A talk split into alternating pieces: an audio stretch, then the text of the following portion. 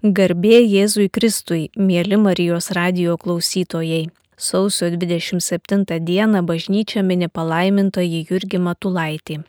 Šią progą laidoje Lietuvo šviesuoliai prisiminsime šį iškilų Lietuvo šviesuolį.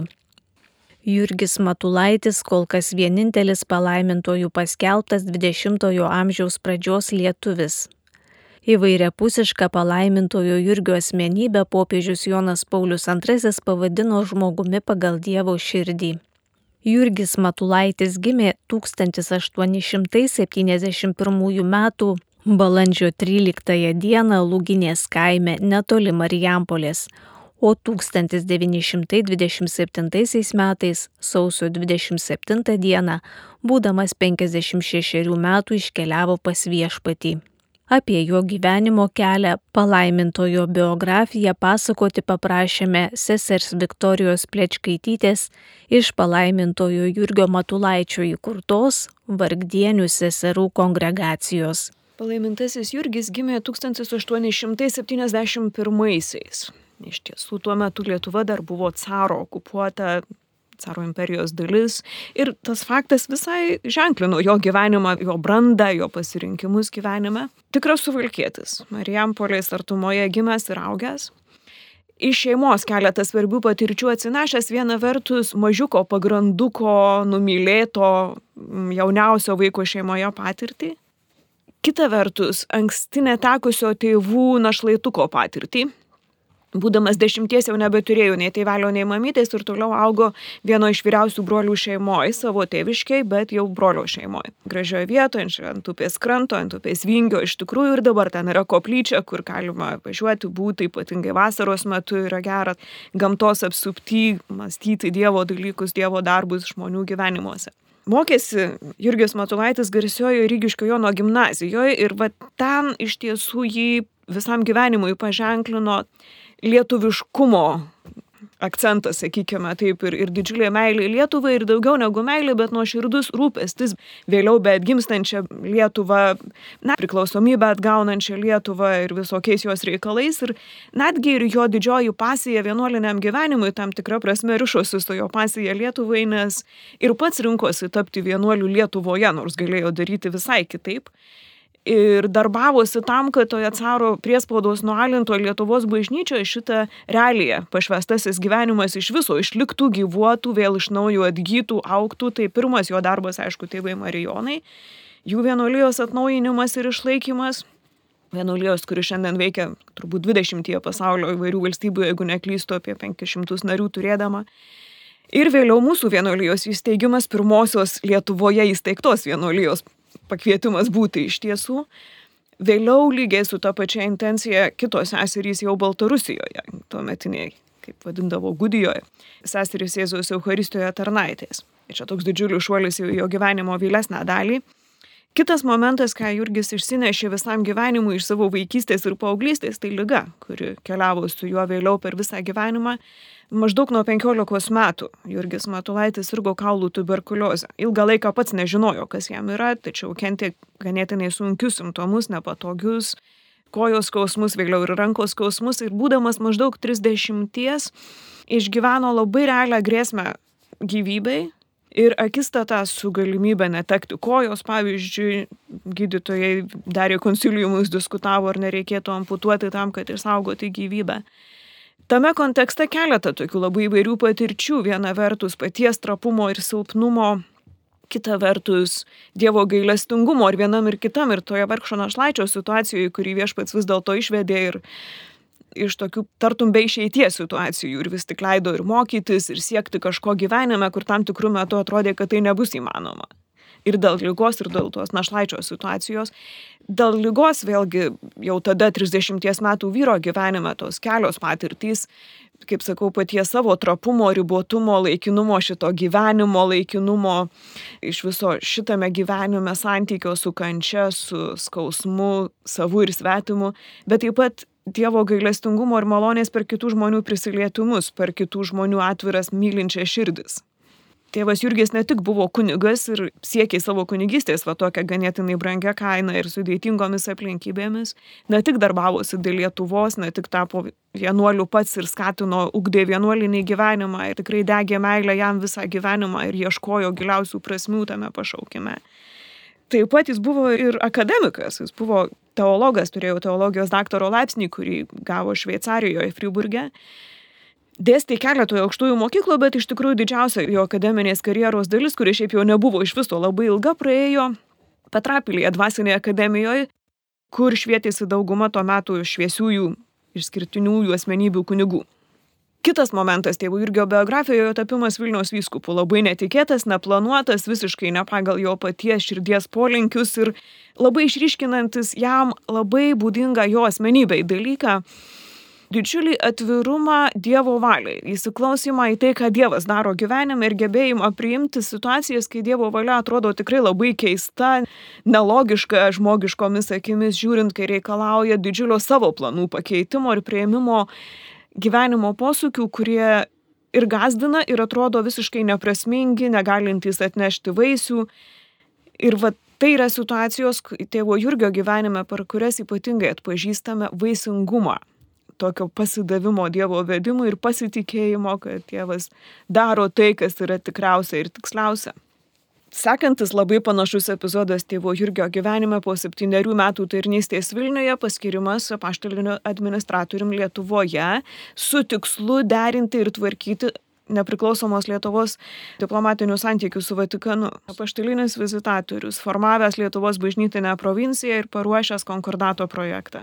Niekad nesiruošęs diplomatiniai tarnystai, likus gal dviem mėnesiam iki to paskirimo vienam laiške parašęs, kad labiausiai gyvenime noriu eiti ramaus, paprasto darbo keliu, nenoriu jokių diplomatijų, jokių reikšmingų postų, titulų, kažkas panašaus, cituoju laisvai, bet ten tikrai yra žodis diplomatija. Tokių kuriozų tėvo Jurgio gyvenime tikrai netrūko, bet ne patys kuriozai yra esmė, bet kaip tėvas Jurgis gebėjo juose ieškoti ir atrasti Dievo valią ir taip gyvendamas iš tikrųjų nešti tokius vaisius, kur savo paties žmogiškom pajėgom greičiausiai niekad nebūtų neįstengęs, nei sugebėjęs, nei pagalvot pagalvojęs. Kalbam apie Dievo žmogų, apie žmogų, kuris pats giliai gyveno vienybę su Dievu, turėjo tikrai gilų ir tokį labai turtingą maldos gyvenimą, vidinį gyvenimą ir mokėjo juo dalintis. Ir iš pareigos, bet ir iš tiesiog iš troškimo, iš tokio vidinio pašaukimo.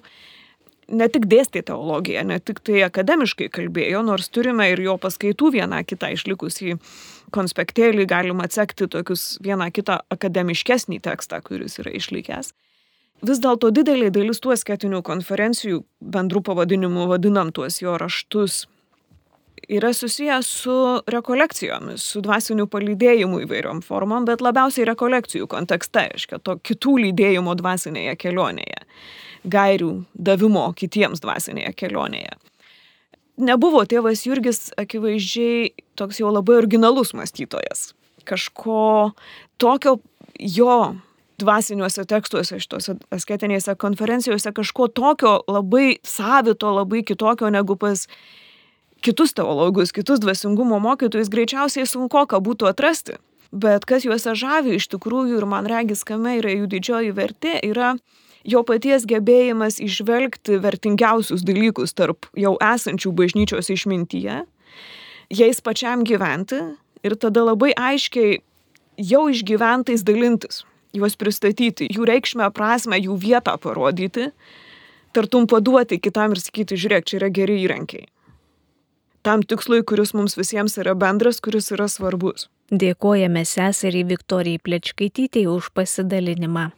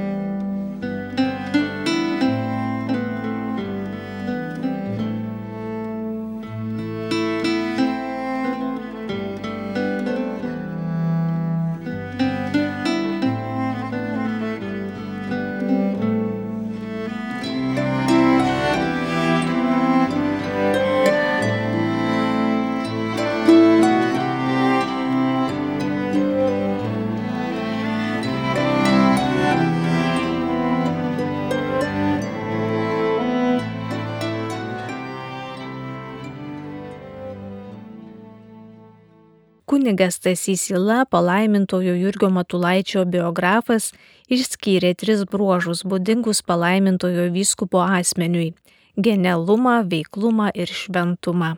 Kviečiame pasiklausyti ištraukos iš kunigo Stasio Ilos knygos Jurgis Matulaitis, kurią skaito aktorė Kristina Kazakevičiūtė. Prisimenu. Buvo 1926 metai sausio 18 diena. Arkivyskupas Jurgis Matulaitis, naujasis apaštalinis vizitatorius Lietuvai, lankė Kauno kunigų seminariją. Iškilmės vyko didžiojoje seminarijos auditorijoje. Klierikai laukė svečio susitelkę ir jis atėjo lydimas mūsų viskupų ir prelatų. Žengė per salę paprastu ramiu žingsniu. Ramybė dvelkė iš jo veido. Nesistebėjo nei gausių jaunų žmonių būrių, nei jų ovacijomis. Žengė tiesiai į katedrą, iš kurios profesoriai kalbėdavo studentams o virš jo sienoje buvo įmūryta juodo marmuro lenta su aukso raidžių įrašu lotynų kalba. Iš šios vietos 1920 metais sausio 30 dieną kalbėjo apaštalinis vizitatorius monsinjoras Achilės Ratti, dabartinis popiežius Pėjus XI. Lipdamas į katedrą svečias pastebėjo šį įrašą ir pradėjo savo žodžius apie tą, kuris prieš septynetą metų buvo prabilęs šios seminarijos auklėtiniams.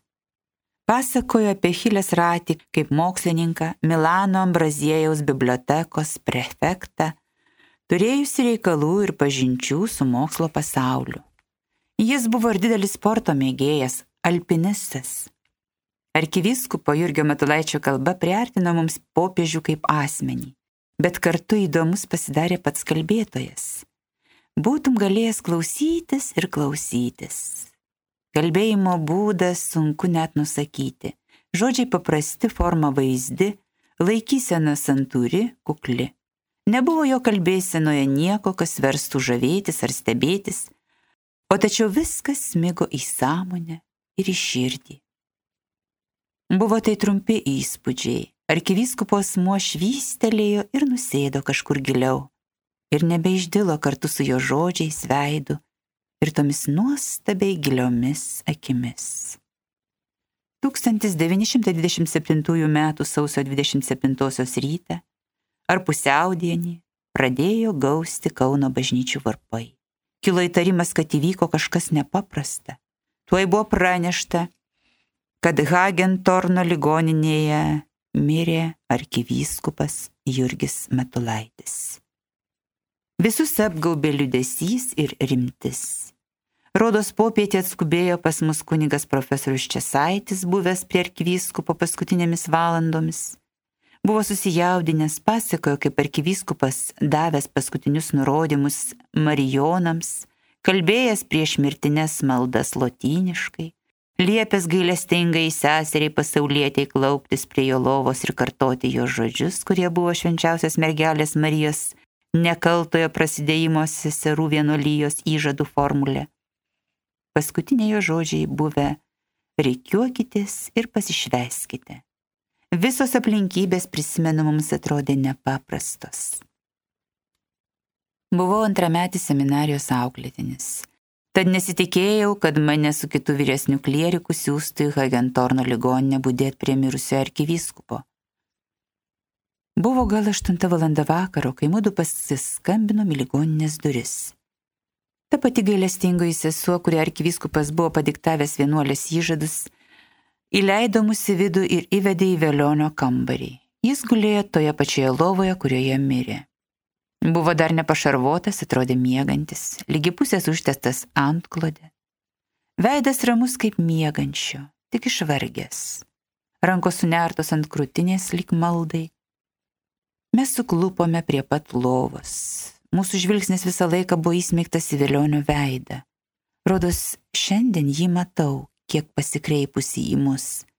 Pakritusių plaukų sruogos savo spalva beveik susiliejo su išbalusiu veidu kuris buvo mielas, traukte traukė į save, Ir man rodos, mūdu daugiau į jį žiūrėjome negu meldėmės. Sausio 28 dieną lydėjome arkiviskupo kūną iš ligoninės į Marijonų bažnytėlę. Buvo šaltas vakaras. Žmonių gatvėse buvo nedaug. Be mūsų klierikų ir kunigų gėdančių pakaitomis psalmes, lydėjo studentų atstovai ir nemažas burys pasauliečių. Ilgai mus sekė karmelitų bažnyčios varpai. Paskui prisijungė įgulos, pagaliau mažiausias Marijonų šaryčių bažnytėlės varpas. Dabar Šventojios Gertrūdos bažnyčia. Šią vietą pasiekus pašarvojus vėlionį bažnytėlę vėl pamačiau jo veidą, atidengus karstą.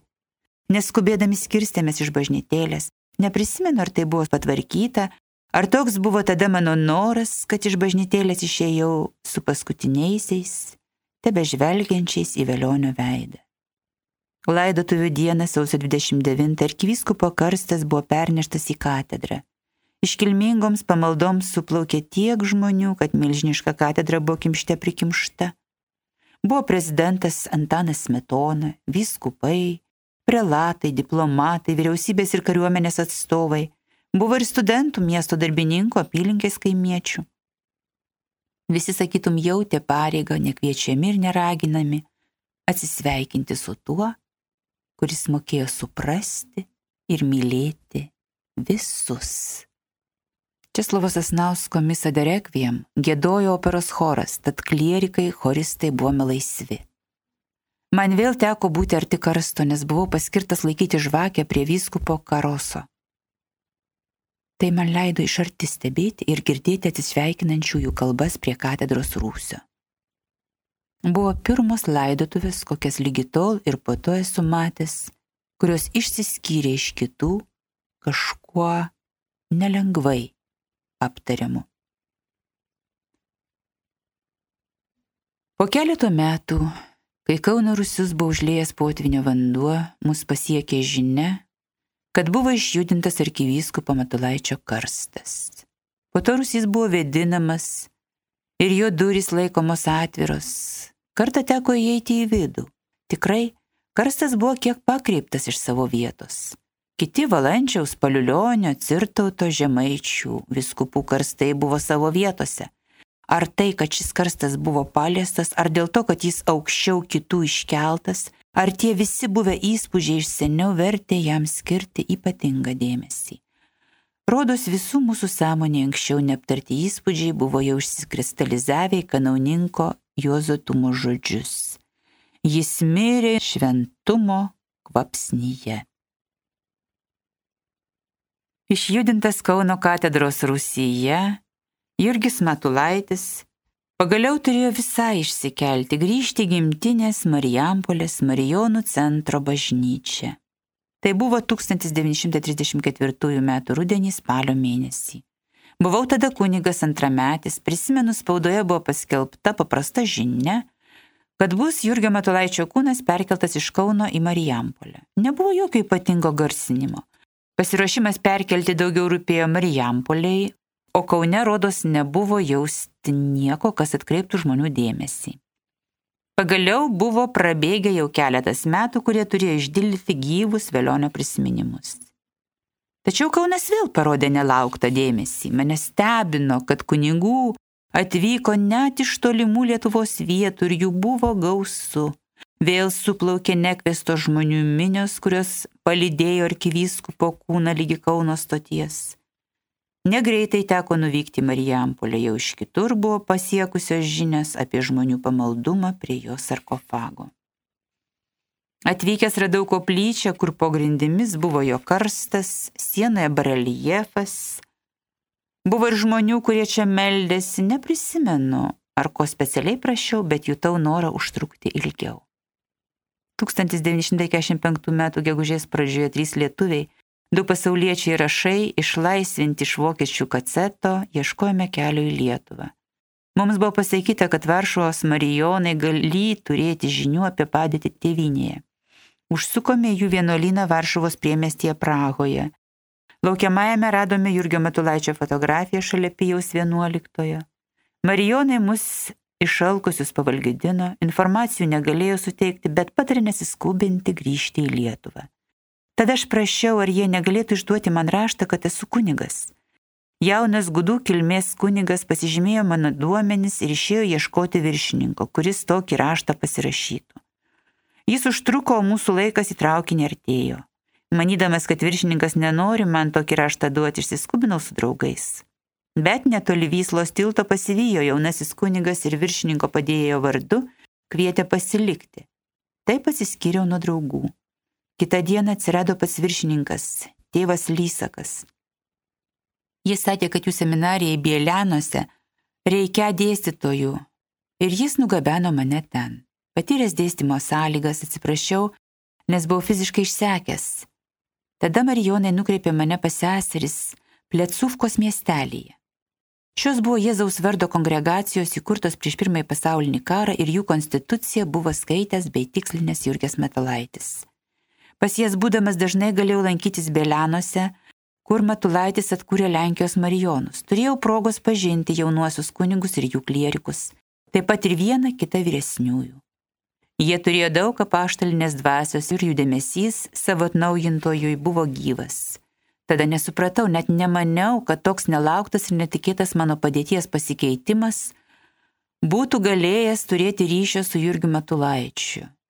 Prieš tai savo maldose turbūt retai jį prisimindavau, bet būdamas pas seseris, gavęs į rankas jo užrašus, buvau giliai tikintas šio vyro šventumu. Tačiau melstis į jį nebuvau greitas. Visai kitoks buvo mano draugas, vėliau atsiradęs pas Marijonus, Santanas Kučas. Jis prisipažino, dažnai meldžiasis į Matulaitį. Tada jis vertė į lenkų kalbą didį leidinį apie arkiviskupą Jurgį išleistą Lietuvoje 1933 metais. Vos tik jį baigė versti į lenkų kalbą, tą pačią dieną buvo pranešta, kad yra atvykęs kunigas Andrė Domininkonas iš Prancūzijos. Su juo buvau susipažinęs prieš karą. Kučias jo nepažinojo. Mūsų sutiktas kunigas dar tą patį vakarą pasiūlė mums išgelbėti iš sovietinės Lenkijos. Kučias tikėjo, kad išgelbėjimas atėjo užtariant Matulaičiui.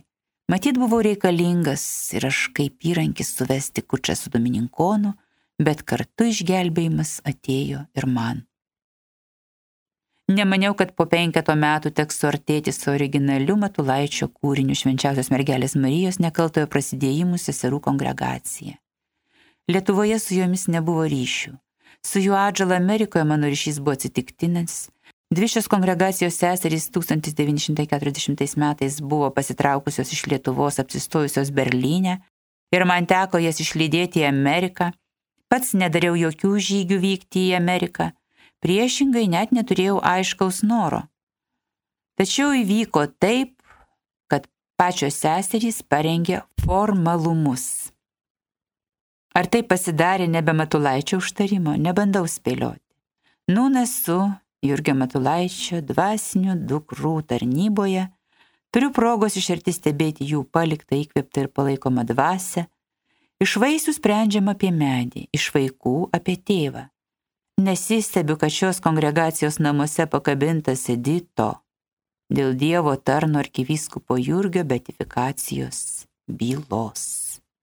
Girdėjome ištrauką iš kunigo Stasio Ilos knygos Jurgis Matulaitis, kurią skaitė aktorė Kristina Kazakevičiūtė.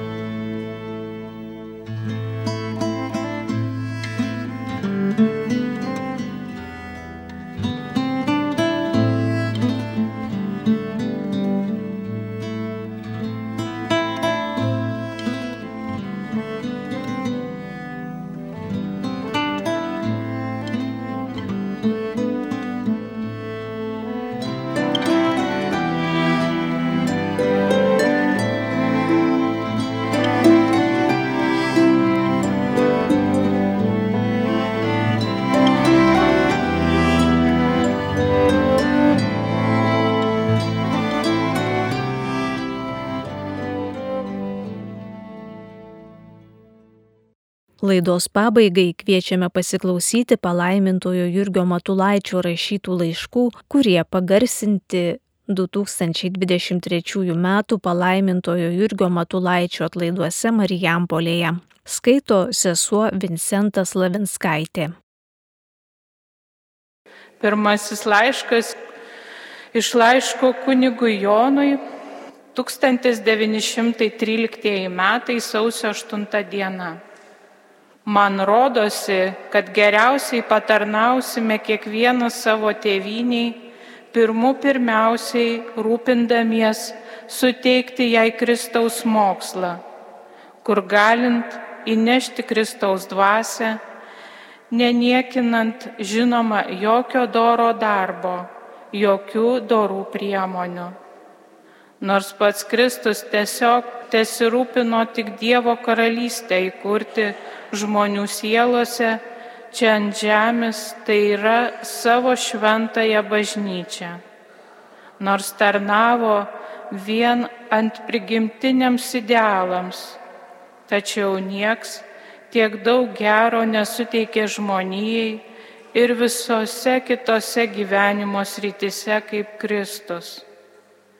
Ta pat galima pasakyti ir apie katalikų bažnyčią, ką gali duoti savo tautai prakilnesnio, aukštesnio už Kristaus mokslą ir dvasę.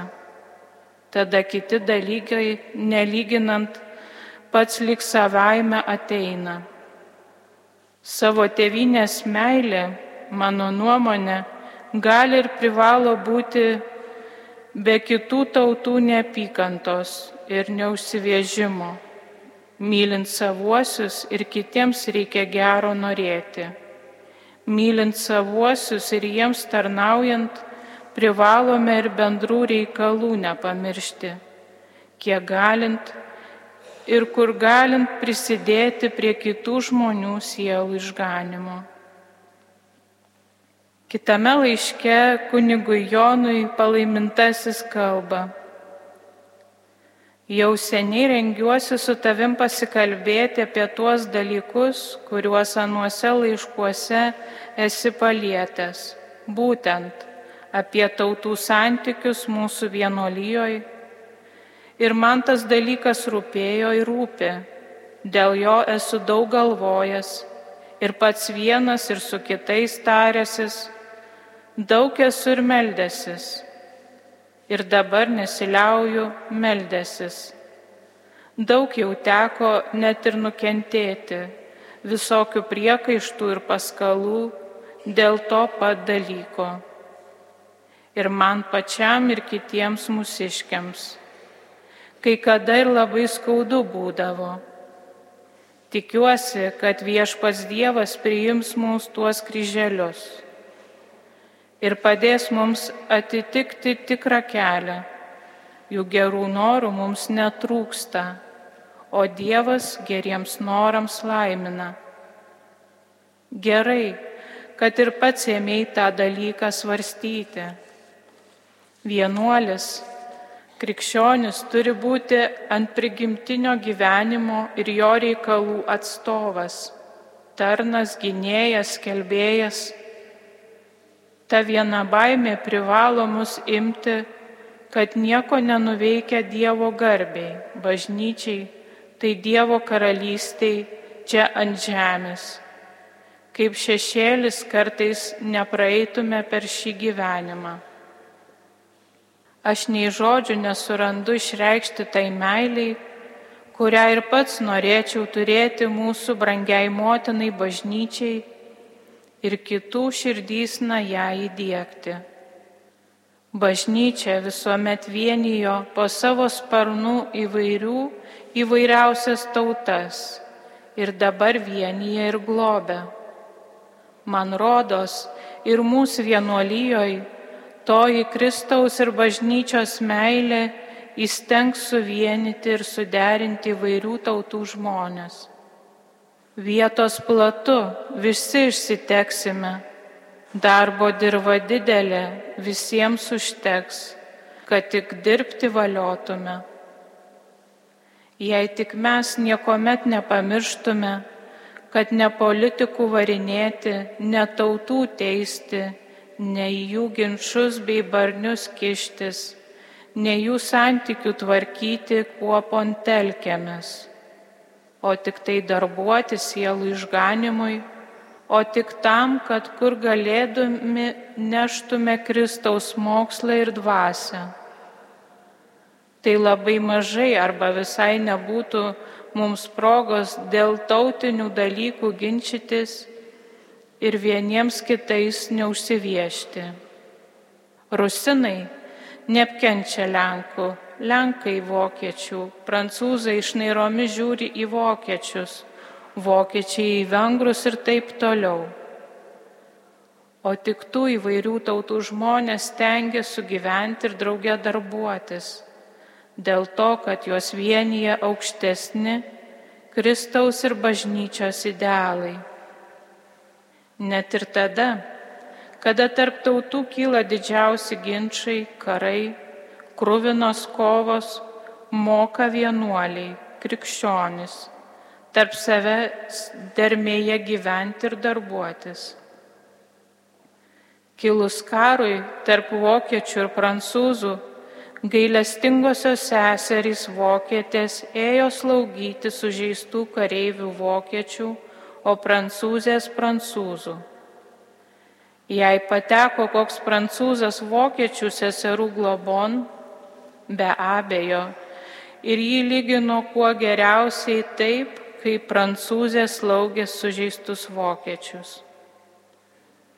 Taip pat ir mes galime vieni kitų neskriausdami darbuotis. Tik reikia, kad nuolat aukštesni idealai mus vienytų ir suvienyje laikytų. Aš tikiu į idealų galybę.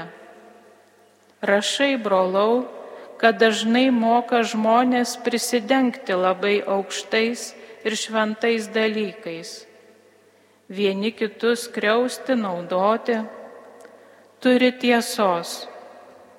Ir tai išlikščiausias, bjauriausias idealo išniekinimas. Reikia to bijotis ir saugotis. Bet dar dažniau atsitinka, kad žmonės dėl gaidulių, dėl šios žemės daiktų ir reikalų dėl to, kad kiti idealą iškreipę, subjaurojo, išnaudojo, išsižada visiškai idealo, meta jį mylėję ir jam tarnavę. Čia yra dar didesnis pavojus, aš to dar labiau bijau. Vienų idealų bent ilgesniam laikui neužtenka Jie gali įkaitinę žmonių širdį supinti jas vienybėn kokiam laikui. Bet paprastai ilgainiui žmonių širdis ima stinkti. Dar reikia, kad jas ir įstatymų ryšiai suvaržę laikytų. Bet be idealų ir dvasios irgi niekuomet negalima apseiti. Ir geriausiai Įstatai nedaug padės, jei idealai nešvies, dvasia sunyks išseks. Idealai ir dvasia gali atstoti įstatymus. Bet dvasios tokos vieni įstatai, kad ir kuo geriausi niekuomet nepavaduoja.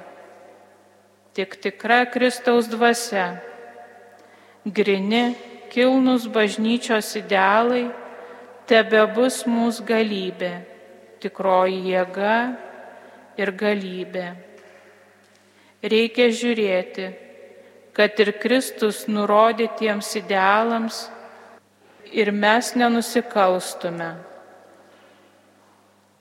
Visai sutinku su tavim, kad kaip vokiečiai, prancūzai, taip pat lietuviai, lenkai, baltgudžiai turi būti lygus Aš pat žinome labiausiai myliu savo tautos žmonės, lietuvius. Ir visuomet troškau ir trokštų šiuo tuo saviems būti naudingas. Jokios ypatingos Lenkų meilės nejaučiu. Man tiek Lenkas, tiek Rusas, tiek Vokietis pasitaikus progai visiems lygiai tarnauju ir prireikus taip pat meiliai kalbu rusiškai, vokiškai, kaip ir lenkiškai. Mano širdžiai visi lygus, o artimieji tie, kuriuose daugiau matau Kristaus dvasios. Seniau labai neapkesdavau žydų. Buvo laikas, kad nekesdavau rusų ir lenkų bet Dievas apšvietė mane, suteikė tą malonę, supratau, kad tai nesutinka su Kristaus mokslu, kuris liepia mylėti kiekvieną artimą kaip patį save, kuris liepia net ir priešus mylėti, net už juos melstis ir jiems gerą daryti.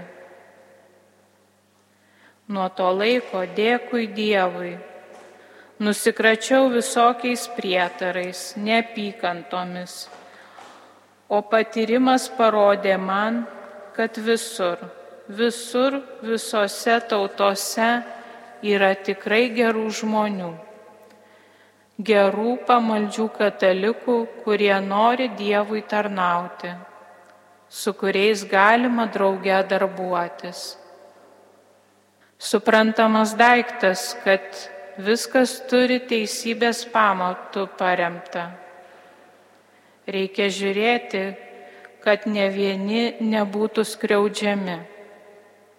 Bet ir be meilės neapsėsime ir negalime apsėti. Manau, čia tikrąją Kristaus meilę. Tiek mūsų gadinėje matome ir atskirų žmonių širdise savimeilės, neapykantos, rūstybės ir iš tiesų tautų, kad ir čia mane baimė ima, kad laikytumės Kristaus meilės, kad nenusižengtume Kristaus įsakymams ir idealams. Iš to jūs pažins, kad mano mokiniai esate, jei vieni kitus mylėsite. Tačiau be meilės viskas mums nieko pavers. Reikia, kad ir į mus kiti žiūrėdami kaip į pirmuosius krikščionis šauktų. Žiūrėkite, kaip jie vieni kitus myli. Dabar kviečiu užbaigti maldą. Geriausiasis tėve kuris trokšti visų savo vaikų išganimo. Dėkoju tau už tos nepalaimintojo Jurgio širdį, kuri meilę apglėbė visų tautų ir visų gyvenimo kelių žmonės ir rūpinosi jų vienybę tavo bažnyčioje.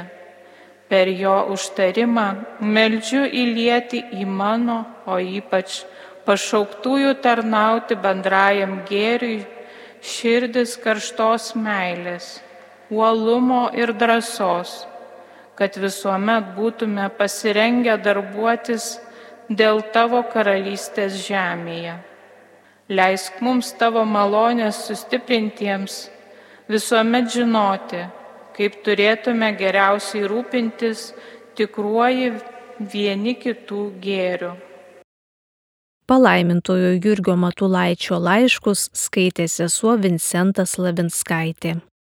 Girdėjome laidą apie palaimintąjį Jurgį Matulaitį, kurį bažnyčia mini sausio 27 dieną. Ta pačia diena Marijampolė Švento Arkangelo Mykolo bazilikoje vyks palaimintojo Jurgio Matulaičio gimimo dangui minėjimas. 11 val. katechezė bazilikoje, 11.30 rožinio malda, 12 val. šventosios mišios su Lietuvos vyskupais. Šias šventasias mišes transliuos ir Marijos radijas. Palaimintasis Jurgi Matulaitį, melski už mus.